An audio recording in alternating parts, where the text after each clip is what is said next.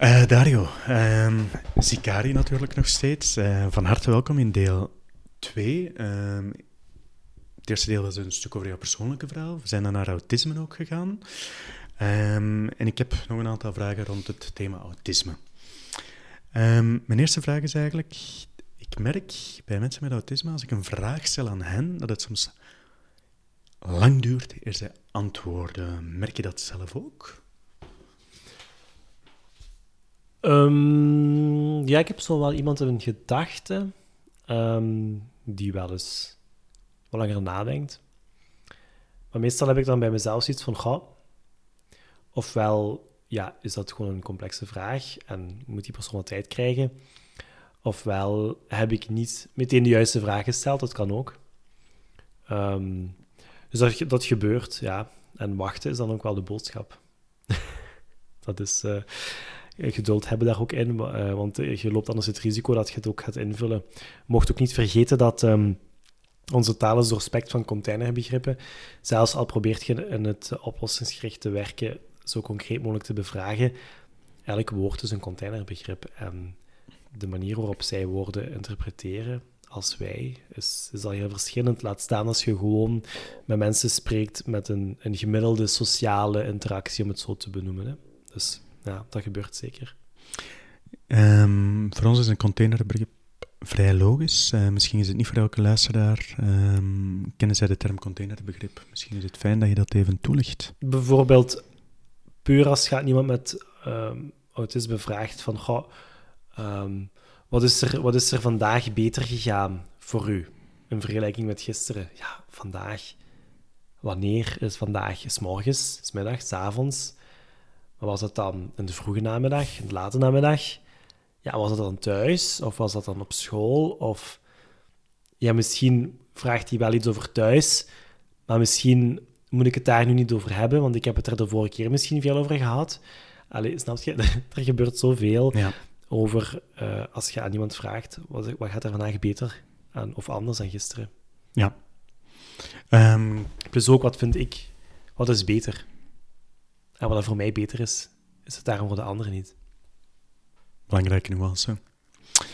Um, ik merk zelf dat het mij niet altijd lukt om daar ongeduldig over, allee, geduldig onder te blijven als men niet onmiddellijk antwoordt. En ik merk dat ik af en toe daar absoluut wel in loop om iets in te vullen. Daarom dat ik die vraag ook stel, hoe ga jij daarmee om? Chapeau, absoluut. Ja. Maar er zijn ook momenten dat ik, dat ik zo zie dat iemand wacht. Ik heb ooit eens een consultatie gehad met iemand uh, die geen autisme spectrumstoornis heeft, maar die, uh, ja, 35 minuten lang niks zei. Niks niks zei. Gewoon niks. Dat was de meest bevreemdende ervaring ooit. Maar achteraf bleek dat wel heel respectvol te zijn van mij naar die persoon toe, om 35 minuten ook te zwijgen. Ik kan u verzekeren dat ik echt op mijn tong heb moeten bijten om dan toch niks te zeggen. Het is mij daarna nooit meer zo lang overkomen. Ik mhm. ben er ook niet zo goed in om zo lang stiltes te houden. Uh, er zijn ook momenten, of ja, momenten doorheen de dag of doorheen de week, waarin ik ook gewoon meer energie heb of meer geduld heb. En dan mhm. lijkt het me ook makkelijker om die stilte te bewaren. Maar soms zeg ik ook tegen mensen, ik ben ook heel erg mezelf in therapie, en soms zeg ik van, ja, ja ik zie je denken, hè. Weet je wat, wat mij nu zo even te binnen schiet? Mag, mag ik dat even delen? Dus ik vraag het dan wel. Ja. Dat probeer ik wel te doen dan.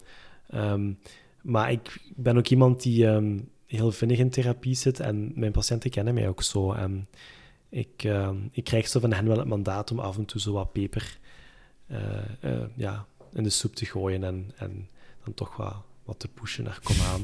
Ik ben nieuwsgierig. mm Ja, dus ja, dat, is, dat is een leerschool voor ons allemaal, hè. stiltes bewaren. Ja.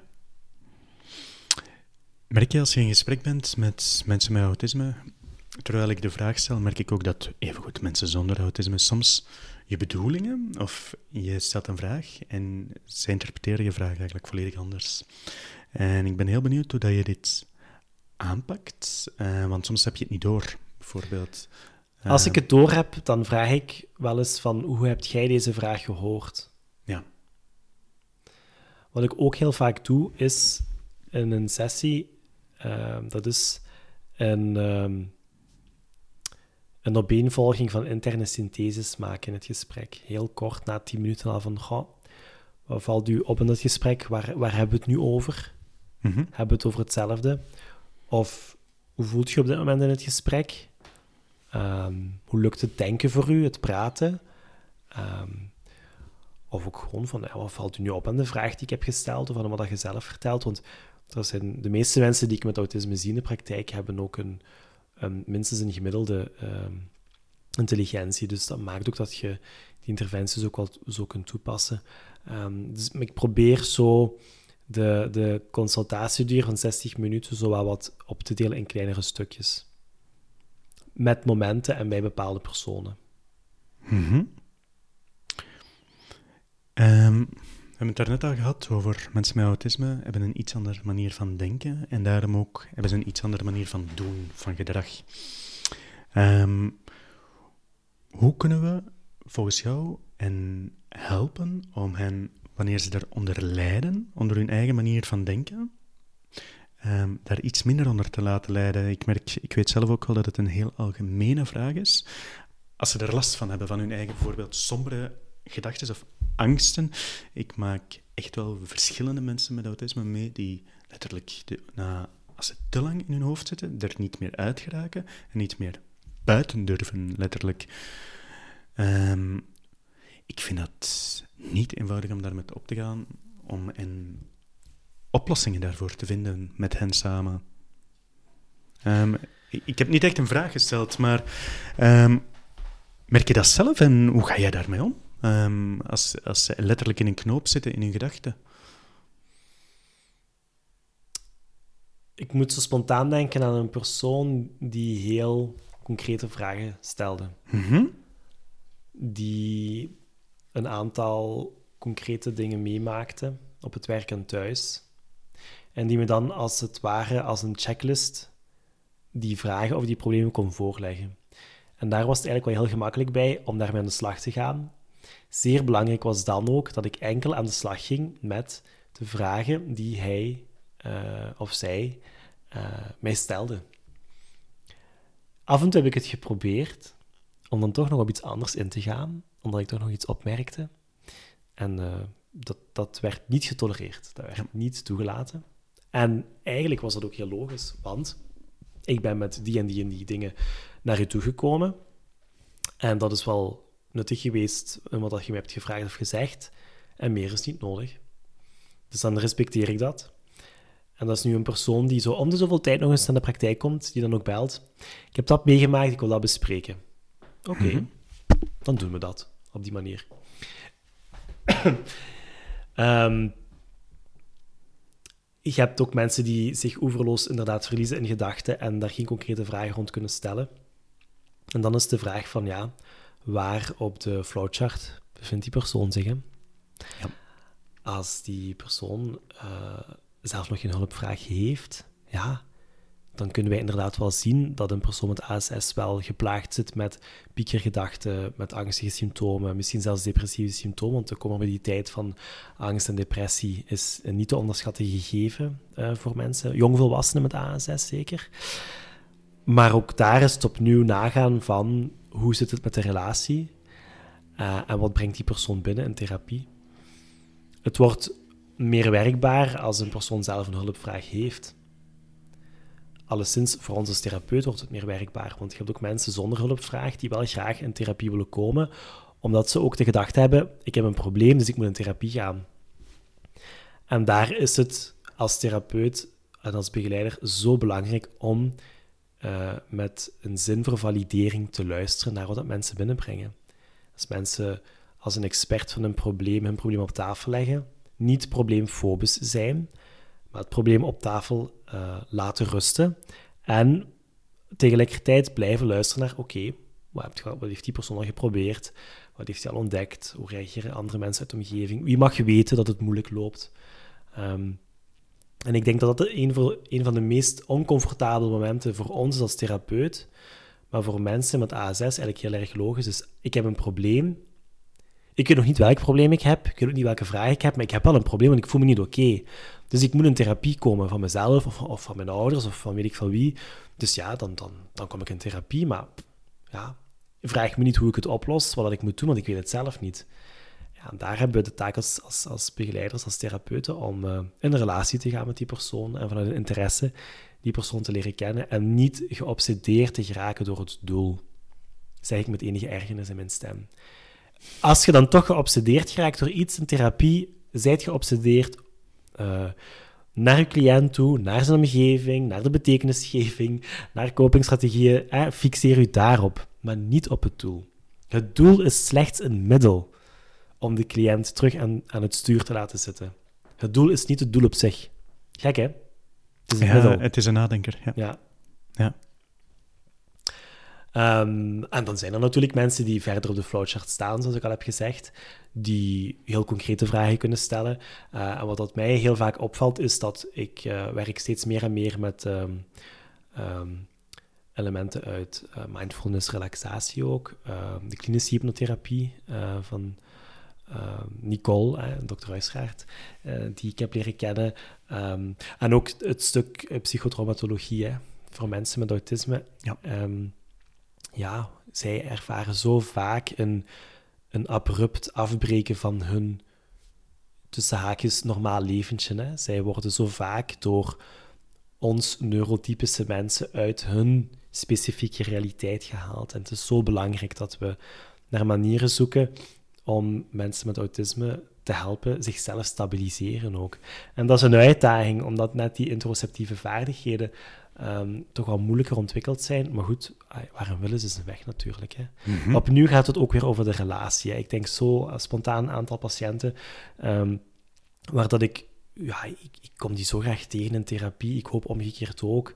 Uh, en de relatie die ik met hen aanga, is er een van acceptatie ook, hè, van wat dat zij doormaken. Um, en net dat veilige klimaat waarin dat, dat probleem mag bestaan, maar waarin dat ik als therapeut krachtgericht blijft luisteren, ik denk dat ja, dat, dat heel mooi, heel mooi blendt eigenlijk met dat gegeven. De aandachtsverleggende interventies, de interventies rond relaxatie, rond visualisatie, de dingen die we zo graag doen als therapeut, die komen vaak ja, pas later aan bod. Met de uitzondering op stabilisatie. Stabilisatie aanbrengen op een laagdrempelige manier, met afstemming op de cliënt, kan al heel snel, zelfs in het eerste contact al. Maar alles op zijn tijd. mijn grootvader ehm, zegt altijd: ehm, wie traag gaat, uh, die, die raakt ver. Go slow. Ja, go slow. Ja. Je ziet het ook. Ik heb het verschillende keren al in de wachtkamer van psychiaters gezien. Zien hangen als ik met cliënten naar een psychiater mhm. ging.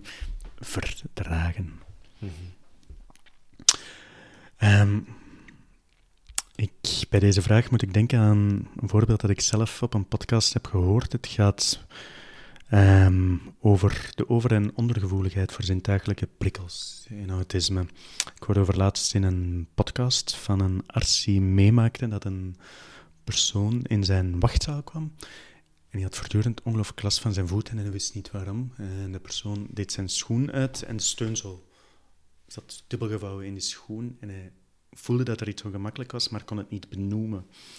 Um, merk je dat zelf ook vaak? Um, ik zie wel meer andere voorbeelden ook, dat er een over- en ondergevoeligheid gevoeligheid is voor zintuigelijke prikkels. En dat dat eigenlijk echt wel soms een onderwerp kan zijn waar over wordt gekeken in therapie of allez, ik ben nu... Zeker bij mensen die uh, heel sterk voorkomen. Hè? Mensen die ook gewoon beschikken over minstens normale intellectuele vermogens, worden toch ook vaak overschat. En er wordt vaak vergeten dat um, een autisme spectrumstoornis ook uh, zeer zeker gepaard gaat met een andere informatieverwerking.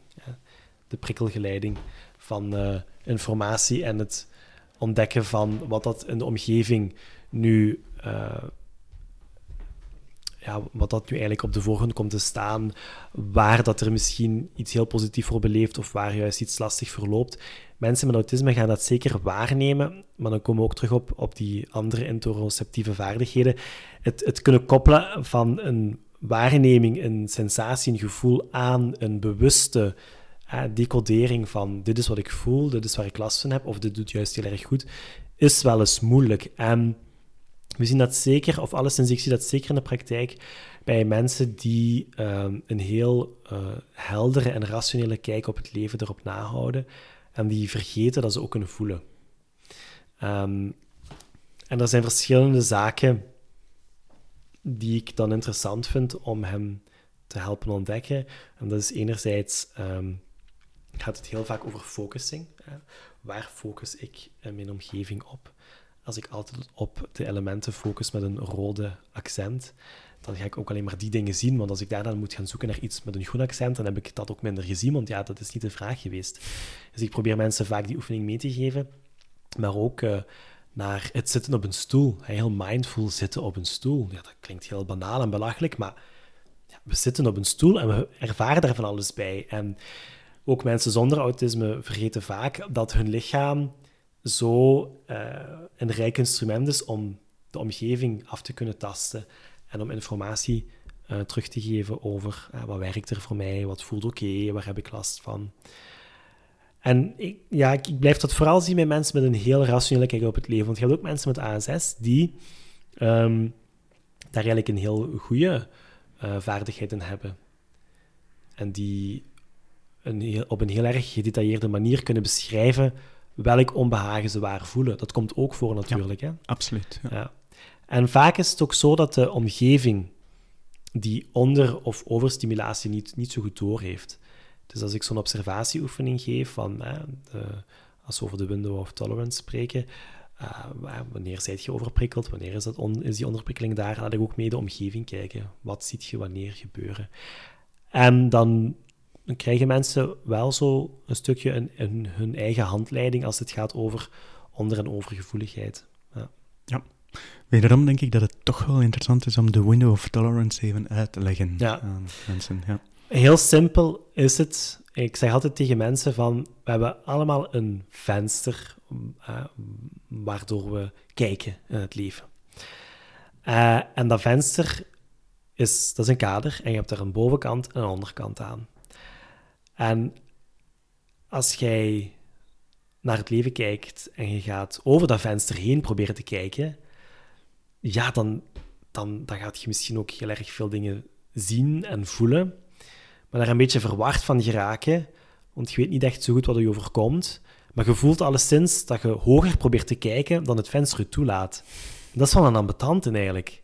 Dat, dat, dat maakt je nerveus, je kijkt omhoog en je nek reikt omhoog. En dat, dat, doet pijn, dat is ambetant, want dat geeft stress. Want ik, ik, ik, kijk hoger dan het venster mij eigenlijk toelaat. En dat ben ik de godganse dag aan het doen en ik heb er toch wel wat last van. Hè. Maar je hebt ook de andere kant, je hebt de onderkant, heel erg omlaag kijken. Lager kijken dan het venster toelaat, dieper kijken. En dan zie je zo alleen maar de dingen die, die, die zo... Ja, dat, dat, daar graag op uitgekeken, want je kijkt constant naar omlaag. En je ziet ook niet wat er daar gebeurt, maar ja, je hoofd zakt zo laag. Ja, en daar word je ook zo, zo moedeloos van, zo loom van. Hè? Van ja, goh, ja, wat heeft het voor zin ik mijn hoofd optil? Ja, het is hier omlaag, ja, ik voel er eigenlijk niet zoveel bij. En dat probeer ik vaak uit te leggen op die manier aan mensen. Een beetje vreemd, maar die metafoor werkt wel heel goed. Want als je spreekt over een boven- en een ondergrens van stress, lijkt ook wel moeilijk binnen te komen. Dus als je mensen uitlegt dat je een bovengrens kunt geraken, waardoor je meer stress ervaart, hè, je, je rekt je nek heel erg hoog om te kunnen zien of je krijgt dan een onderstimulatie door constant naar beneden te kijken. Ja, dan maken mensen de associatie met, ah ja, dan, dan zit er zo weinig in mijn lijf en dan, gebeurt er zo weinig. Dus dat probeer ik zo uit te leggen aan mensen met autisme, maar dus ook nu aan jullie. Venster van tolerantie zegt eigenlijk van, hoeveel stress kan ik aan? Wanneer is het te hoog voor mij en wat ervaar ik dan? En wanneer is het te laag voor mij en wat ervaar ik dan? Maar heel interessant is dat we vaak de uh, illusie hebben dat mensen die over een grens gaan, dat die vooral zich heel geagiteerd tonen en dat die heel bewegelijk zijn en psychomotorisch onrustig. Maar het gebeurt dus ook dat er iemand voor je in de stoel zit, volledig stram in dat lichaam zit, niet reageert, hè, dissocieert, of wat we ook noemen een catatone presentatie vertoont. Er is geen reactie, maar die persoon is effectief niet in een onderstimulatie. Hè. Die zit daar zeer gespannen op die stoel. Dus we spakken daar ook zeker niet aan als de afwezigheid van activiteit er is, dat we nog altijd kunnen stellen dat soms mensen even goed af, uh, overgestimuleerd zijn. Mensen die ondergestimuleerd zijn, zijn mensen die we vaak ook ja, tegenkomen in een afwezigheid van reactie, waarin het lichaam zich eigenlijk bijna laat hangen. En waarom is dat voor autisme zo relevant? Als jij wakker wordt, dan piekt je stresshormoon een beetje, want de dag moet beginnen, jij moet kunnen functioneren, dus de motor gaat opgestart. Hè. slaaphormoon heeft afgenomen in, concentratie in het bloed, stresshormoon neemt wat toe. Hè. We moeten kunnen functioneren. Maar dat stresshormoon of de stressbeleving, dat, dat stijgt en dat daalt, dat is allemaal oké. En als dat eigenlijk tussen de bovenkant en de onderkant van je raam gebeurt, is er eigenlijk niks aan de hand, want dat is heel normaal. Hè. Stress piekt en daalt, we hebben stress ook nodig om te functioneren. Maar mensen met autisme gaan heel vaak al pijlsnel omhoog schieten. En die gaan in een overstimulatie terechtkomen. En soms hebben die zo'n goede vaardigheden, waardoor het helemaal niet opvalt dat zij die overstimulatie bereiken. En die lijken dan ogenschijnlijk de dag aan te kunnen. Die gaan naar school of die gaan werken en die zijn sociaal en die lachen en die stellen een praatje. En dan komen die thuis. En dan is er, ja, ofwel bij pubers zien we dan woedeuitbarstingen. Maar we zien ook zelfmedicatie bij jongvolwassenen. Mensen die uh, meer alcohol gaan nuttigen bijvoorbeeld. Dat is zeker niet de mainstream dat mensen met autisme meer gaan, gaan drinken of pillen gaan gebruiken. Maar, of, of woedeuitbarstingen gaan doen, dat zien we wel vaker. Maar het is zo belangrijk om te beseffen dat ehm, die evidente situaties voor hen daarom niet zo evident zijn. En het is daarom ook heel belangrijk dat de omgeving leert kijken naar die persoon met autisme en zich de vraag stelt van oké, je bent nu een heel toffe leerling op school of een heel fijne collega. Ehm, maar hoe doe je dat? Hoe houd je dat vol? Want dan zien we soms ook de andere kant. Hè? Mensen met autisme die intelligent zijn, die echt heel mooie vaardigheden hebben, maar die door, door de zwaarte van het zich constant te moeten aanpassen aan het leven, door een constante masker op te moeten zetten, eigenlijk op een gegeven moment tot niks meer komen. Hmm. En die dan heel depressief lijken en die dan ook als dusdanig behandeld worden voor een depressieve problematiek. We zien dan depressieve symptomen bij die patiënt, absoluut. Hè. Maar wat betekent dat? En vaak kom je daar ook uit op het verhaal van onderstimulatie. Mensen die dan toch niet uh, in de juiste omgeving vertoeven, uh, en daar bedoel ik mee, die dan toch niet in een omgeving vertoeven die echt is afgestemd op, op hun mogelijkheden en hun, en hun talenten ook. Um, dus vandaar het venster van tolerantie. Uh, dat is zo'n beetje de twist die ik er zelf wat aan geef om het wat visueler ook wat uit te leggen aan mensen met ASS. Oké, een heel grondige uitleg, ja. Um, in autisme zijn er heel veel verklaringsmodellen. Ik ga er een paar noemen. De Theory of Mind, de theorie van de centrale coherentie, de executieve functies, contextblindheid. Um, ik was gewoon nieuwsgierig of je zelf een voorkeur zou hebben voor een theorie, of heb je meer het gevoel dat elke theorie eigenlijk veel tekorten vertoont of dat het absoluut niet helpt, bijvoorbeeld, om iemand met autisme te begeleiden? Elk, elk verklaringsmodel heeft voor mij wel een waarde. Mhm. Ehm, we weten ook uit onderzoek dat, dat die verklaringsmodellen ook wel te representeren zijn, dat die ook wel vaker worden opgemerkt. Um, maar het blijven prototypische beschrijvingen van psychologische en psychiatrische fenomenen, in dit geval een autisme spectrumstoornis. En zo moeten we ze ook als dusdanig behandelen. Het blijft een ideaal, een theoretische beschrijving van zaken die wij opmerken in de klinische aspecten die we linken aan ASS en autisme spectrumstoornissen. Mhm. Dus ze zijn, ze zijn waardevol daarin. Um, ze verklaren uh, een groep van mensen met ASS. Hè. Ze verklaren niet altijd even sterk het individuele gedrag of de individuele presentatie van mensen met ASS. De um, hypothese of het verklaringsmodel rond de contextblindheid vind ik eigenlijk nog de meest interessante. Waarom? Dat is net oplossingsgericht vertaald dan dat het iets relationeel is. Hè. En, de, en het uh, falen of het succes hè, van mensen met ASS, om het heel zwart-wit te benaderen. Um, heb je een aantal persoonskenmerken, eigenschappen die daarin spelen. De aanleg van een persoon, de aanwezige vaardigheden, al dan niet. Maar je hebt ook de relatie met de context en de context waarin mensen met autisme vertoeven. En in die contextblindheid wordt als dusdanig nu vooral gefocust op uh, het, het, aspect dat mensen met autisme weinig gevoelig zijn voor een context. Die, dat uitzicht dan heel stereotyp, bijvoorbeeld in sociaal onaangepast gedrag. Als je dat oplossingsgericht vertaalt, dan geeft je eigenlijk daar een twist aan door erkenning te geven aan het feit van oké, persoon met ASS, autisme spectrumstoornis, heeft soms um, onvoldoende de vaardigheden om zich afgestemd te gedragen in een context. En die wil er misschien wel graag iets over leren, want mensen met ASS hebben echt een heel grote nood aan sociale contact, willen ook juist passen in de maatschappij. Hè. Dat uh, wordt vaak van niet gezegd, hè, dat ze geen sociale noden hebben, maar dat is, dat is absoluut niet waar. Ze hebben dat, die noden wel. Maar goed, er zijn een aantal aspecten waar dat zij kunnen leren. Maar de context zelf heeft ook een les te trekken uit hoe om te gaan met mensen met ASS. En daarom vind ik die, uh, dat verklaringsmodel van de contextblindheid wel een interessante, omdat die het meest werkbare is, omdat daar weer het en-en-verhaal naar boven kan komen. En de aanwezigheid, de aanleg van een persoon, maar ook het mandaat, het aandeel van de context rond die persoon en de relaties ertussenin. Wat ik eigenlijk heel mooi vind en zelf ook meeneem, is um, zowel jij, Dario, als mijn vorige spreekster, Miriam Lefebvre, spreken heel sterk over het en-en. Ja, dat is heel opvallend. Mhm. Ja. Het is een speciale vraag, maar heb je eigenlijk een mening over het nut van therapie voor mensen met een dubbele diagnose, als bijvoorbeeld een lichtmentale beperking en autisme? Um, het is een gedurfde vraag. Ja, um, dat is een vraag waar ik veel mee ben bezig geweest. Um, ook bij begeleid wonen. En ik ben er absoluut uh, van overtuigd wordt absoluut een gevaarlijke. Hè? Maar ik ben ervan overtuigd dat als de omgeving of die persoon zelf een hulpvraag heeft, of eens wil zien wat therapie kan betekenen, dat het een interessante kan zijn. Maar ik ga u een dikke, dikke, dikke maar geven. Hoewel ik zelf ontzettend graag psychotherapie geef um, en ik het geven van psychotherapie als een privilege beschouw. Ik vind dat een voorrecht om dat te mogen doen. Uh, daar is ook specifieke training voor nodig. Eh, dat, uh, dat, daar is geen twijfel voor, voor, voor mogelijk. Maar het is ook maar psychotherapie. Het is ook niet meer dan dat. Wij kijken naar een patiënt met een dubbeldiagnose bijvoorbeeld. Wanneer zien we die een keer per week, een keer om de twee weken, een uurtje? Dat is een heel klein venster waardoor we naar kijken.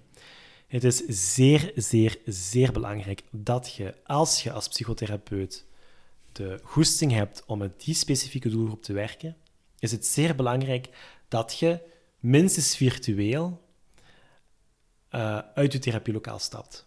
Daarmee bedoel ik dat je samenwerkt met begeleiders, met zorgkundigen, met uh, diensten in het reguliere circuit, hè, zoals OCME, familiehulp en, zo, en, en, dergelijke. Dat je leert samenwerken met andere hulpverleners, andere zorgverstrekkers. Doet je dat niet, dan, dan heb je voor mij, naar mijn mening, eigenlijk geen nut als therapeut. Dan vind ik niet dat je de context van hulp en ondersteuning van een persoon met een dubbeldiagnose, dat je die ervaart uh, als iets dat je kunt herkennen. Want je hebt die samenwerking nodig. Het zijn begeleiders, het zijn zorgkundigen, mensen die soms minder gewaardeerd worden in de hulpverlening. Voel ik heel sterk aan in een land als België, waarin een diplomacultuur erg heerst en waarin vooral de masters het voor het zeggen hebben. Maar het zijn vooral die mensen, bachelors, zorgkundigen, het zijn uw ogen en uw oren. En die heb je nodig. Heb je de pretentie dat je geen boodschap hebt aan die wereld, met alle respect, maar doe dan andere dingen, maar ga dan niet werken met mensen met een dubbeldiagnose. Eigenlijk, en ik snap dat ik misschien mensen ga doen fronsen, maar therapie gaat voor mij over het leven. Uh, en ik, ik, ik hou er niet van als, als psychotherapeuten uh, vanuit een ivoren toren kijken naar mensen. Ik, ik ben zelf ook iemand die heel erg in jargon spreekt. Ik ben bezeten van, van mijn vak en, en mijn deskundigheid als pedagoog. Absoluut, ik ben ook heel trots dat ik die opleiding heb genoten. En ja, ik heb het voorrecht en het geluk misschien ook gehad dat ik een masteropleiding heb kunnen voltooien. Maar dat is iets van mij, dat is, dat is iets heel persoonlijk. Uh, uw cliënten hebben er allemaal geen boodschap aan. Je hebt daar geen boodschap aan. Therapie gaat over het leven, dus leer samenwerken met mensen. Wil dat zeggen dat je iedereen in je therapieruimte moet uitnodigen? Nee. Wil dat zeggen dat je mee moet gaan in de frustraties van een team over een bepaalde persoon? Nee, helemaal niet. Maar neem het in rekenschap en leer samenwerken. Ga eens op huisbezoek als therapeut. Kom uit je therapieruimte. Ga op huisbezoek. Wordt een persoon met een dubbeldiagnose opgenomen in het ziekenhuis, in de paas bijvoorbeeld, en uh, er is het mandaat van u, vanuit die cliënt dat je op bezoek gaat, doe je consultatie in het ziekenhuis. Investeer in mensen. En ik snap ook, iedereen heeft zijn agenda, dat is zeker. Ik heb zelf de ervaring met een zeer drukke agenda in mijn praktijk, dat ik op de paas gekend ben als de therapeut die bij de opname wel eens mee uh, rond de tafel gaat zitten samen met de patiënt. Ik, dat doe ik. Is dat therapie, is dat begeleiding? Wat is een? Ik heb het echt over de mensen met een dubbeldiagnose. Hè. Ziet je andere mensen met, met een complexe persoonlijkheidsstructuur of met, uh, ziet je eerder seksuologische vraagstukken of relatie- en partnertherapie? Dan zijn weer andere gegevens. Mensen die ook over andere mentale capaciteiten beschikken. Dat vind ik nog een heel ander verhaal. Die mensen kun je ook weliswaar via perspectiefwisselende uh, vragen uiteraard. Hè. Kun je systeemgericht ook alleen zien, waarin betekenisvolle anderen virtueel aanwezig zijn. En dat, dat is allemaal mogelijk. Maar mensen met een dubbeldiagnose, alstublieft, werk samen met de mensen uit het veld. Wees heel fier op het feit dat je therapeut bent. Dat is, dat is een mooie titel. Uh, dat is een mooie plaats in de geestelijke gezondheidszorg. Maar uw cliënten hebben verder aan die fierheid niks, buiten het feit dat je wel met passie je beroep doet. Uh, werk samen, heel, heel belangrijk. Ik kan dat niet genoeg benadrukken. Want daar hangen soms echt, ook echt wel levens van af. Absoluut. Ja. Um, ik voel je passie, letterlijk. uh, ja, dat, ja. Is, dat is echt heel persoonlijk ingegeven. Ja. Ik... Ehm, als je mensen ziet met een mentale beperking, een ASS bijvoorbeeld, die dan zelfstandig leven bijvoorbeeld. Het leven is een labyrint. Het is een labyrint. En als je, als je, als je, geen, als je niet met de, in de modder durft staan met die persoon, dan, dan ja, wordt het een moeilijke. Natuurlijk, ik ga wel een kanttekening maken. Als, het is niet de bedoeling dat je je laat claimen door je patiënt. Of dat je je laat claimen door de context van die hulpverlening. Het is de bedoeling dat je in een wisselwerking op een genuanceerde manier in relatie tot je patiënt, in relatie tot het toekomstperspectief en de hoop die je patiënt koestert, dat je in die relatie vorm geeft, meegestalte geeft aan het zorggebeuren rond die patiënt. Als het gaat over, ik ga vanuit een moeder Teresa-complex naar dat netwerk toestappen en het daar eens goed uitleggen, daar gaat het ook helemaal niet om. Hè? Dus we zijn geen moeder Teresa's. Uh, als je dat wilt zijn, dan, ja, dan, dan denk ik dat je jezelf heel snel voorbij rijdt. Maar als het gaat over een afgestemd interageren met het netwerk, uh, als je daarin kunt slagen, dan kan psychotherapie heel nuttig zijn. Want wat gebeurt er dan? Het netwerk van begeleiders, van zorgkundigen, reguliere diensten, sociaal netwerk, die zijn in het dagdagelijkse bezig met die patiënt. En dat is zeer nuttig en waardevol, omdat daar ook de meeste dingen gebeuren. En als zij dat mooi kunnen opvangen, dan hebben wij de luxe tussen aanhalingstekens om dan aan, aan de slag te gaan met heel uh, specifieke thema's die, die, die spelen rond relaties, rond persoonlijkheid, rond een aantal verwerkingszaken en dergelijke meer. Maar dat zijn zaken die uit het, die in het niets verdwijnen als je niet leert samenwerken met anderen. Oké. Zijn er dingen, Dario, die je heel graag aan dit interview zelf nog een bedenking, um, het gevoel van dit is echt nog heel belangrijk, zou willen toevoegen? Ja, um, ik, ik vind altijd iets emotioneel om in te brengen, maar het is zeer belangrijk dat je, uh, dat je, cliënten dat je die graag ziet. En dat je blijft handelen vanuit een mens zijn. We zijn allemaal mensen. Uh, ik vind het ook heel belangrijk om mee te geven dat voor mij uh, de beste oplossingsgerichte hulpverleners, therapeuten, begeleiders, wat dan ook, dat zijn mensen die zeker een gedegen opleiding hebben genoten, vind ik een heel belangrijke. Opleiding geeft een houvast. Maakt niet altijd een verschil. Dat is ook een belangrijke nuance om in te brengen, maar het geeft een zekere vast. Ik denk dat het heel waardevol is dat je geschoold bent en dat je een aantal zaken theoretisch kunt kaderen, eh, zowel naar je patiënt toe als naar de omgeving toe. Dat is zeer waardevol. En als je dat combineert met de ervaring die je hebt als mens in het leven, ehm, in dat kleine kwetsbare dat je zelf ook binnenbrengt in therapie, hoe geschoold je je misschien ook kunt zien of kunt voelen, um, maar als je de menselijkheid aan de dag legt en als je vanuit een graag zien werkt, dan kan uh, psychotherapie uh, een van de meest ja, mooie en waardevolle beroepen zijn. Um, dat, dat vind ik een heel belangrijk om mee te geven. Zie mensen graag. Zie ook jezelf graag. En uw beperkingen ook. Leer uw beperkingen kennen. Leer ze ook aanvaarden. Want als je dat kunt, uh, dan zit je ook in staat om uh, te leren uit je eigen overleven. Dat zijn zaken die cliënten ook gaan aanvoelen. Die cliënten en patiënten gaan voelen als je vanuit zo'n authentieke, kwetsbare grondhouding in therapie staat. Ik wil dat daarom zeggen dat je altijd gaat meehuilen met je patiënt of dat je al de verhalen mee naar huis neemt. Nee, in tegendeel. Wij nemen niets over van de patiënt. Dat gaan we niet doen. Maar we zijn wel samen aanwezig in een ruimte. We zijn als twee mensen aanwezig in een ruimte. En de patiënt is daar als, als expert van zijn probleem en zijn verhaal. En wij zijn er als, als experten, als deskundigen, als het gaat over de theoretische kaders die we hebben aangereikt gekregen. Uh, maar de gedeelde expertise van het mens zijn, dat is iets dat we, dat we voor ogen moeten houden. Wat ik ook wil meegeven is dat we in dit interview hebben gefocust op autisme spectrumstoornissen. Mm -hmm. Ik heb zelf altijd uh, een heel grote interesse gehad en nog steeds in, in dat toestandsbeeld, in, of in dat syndroom om het zo te zeggen.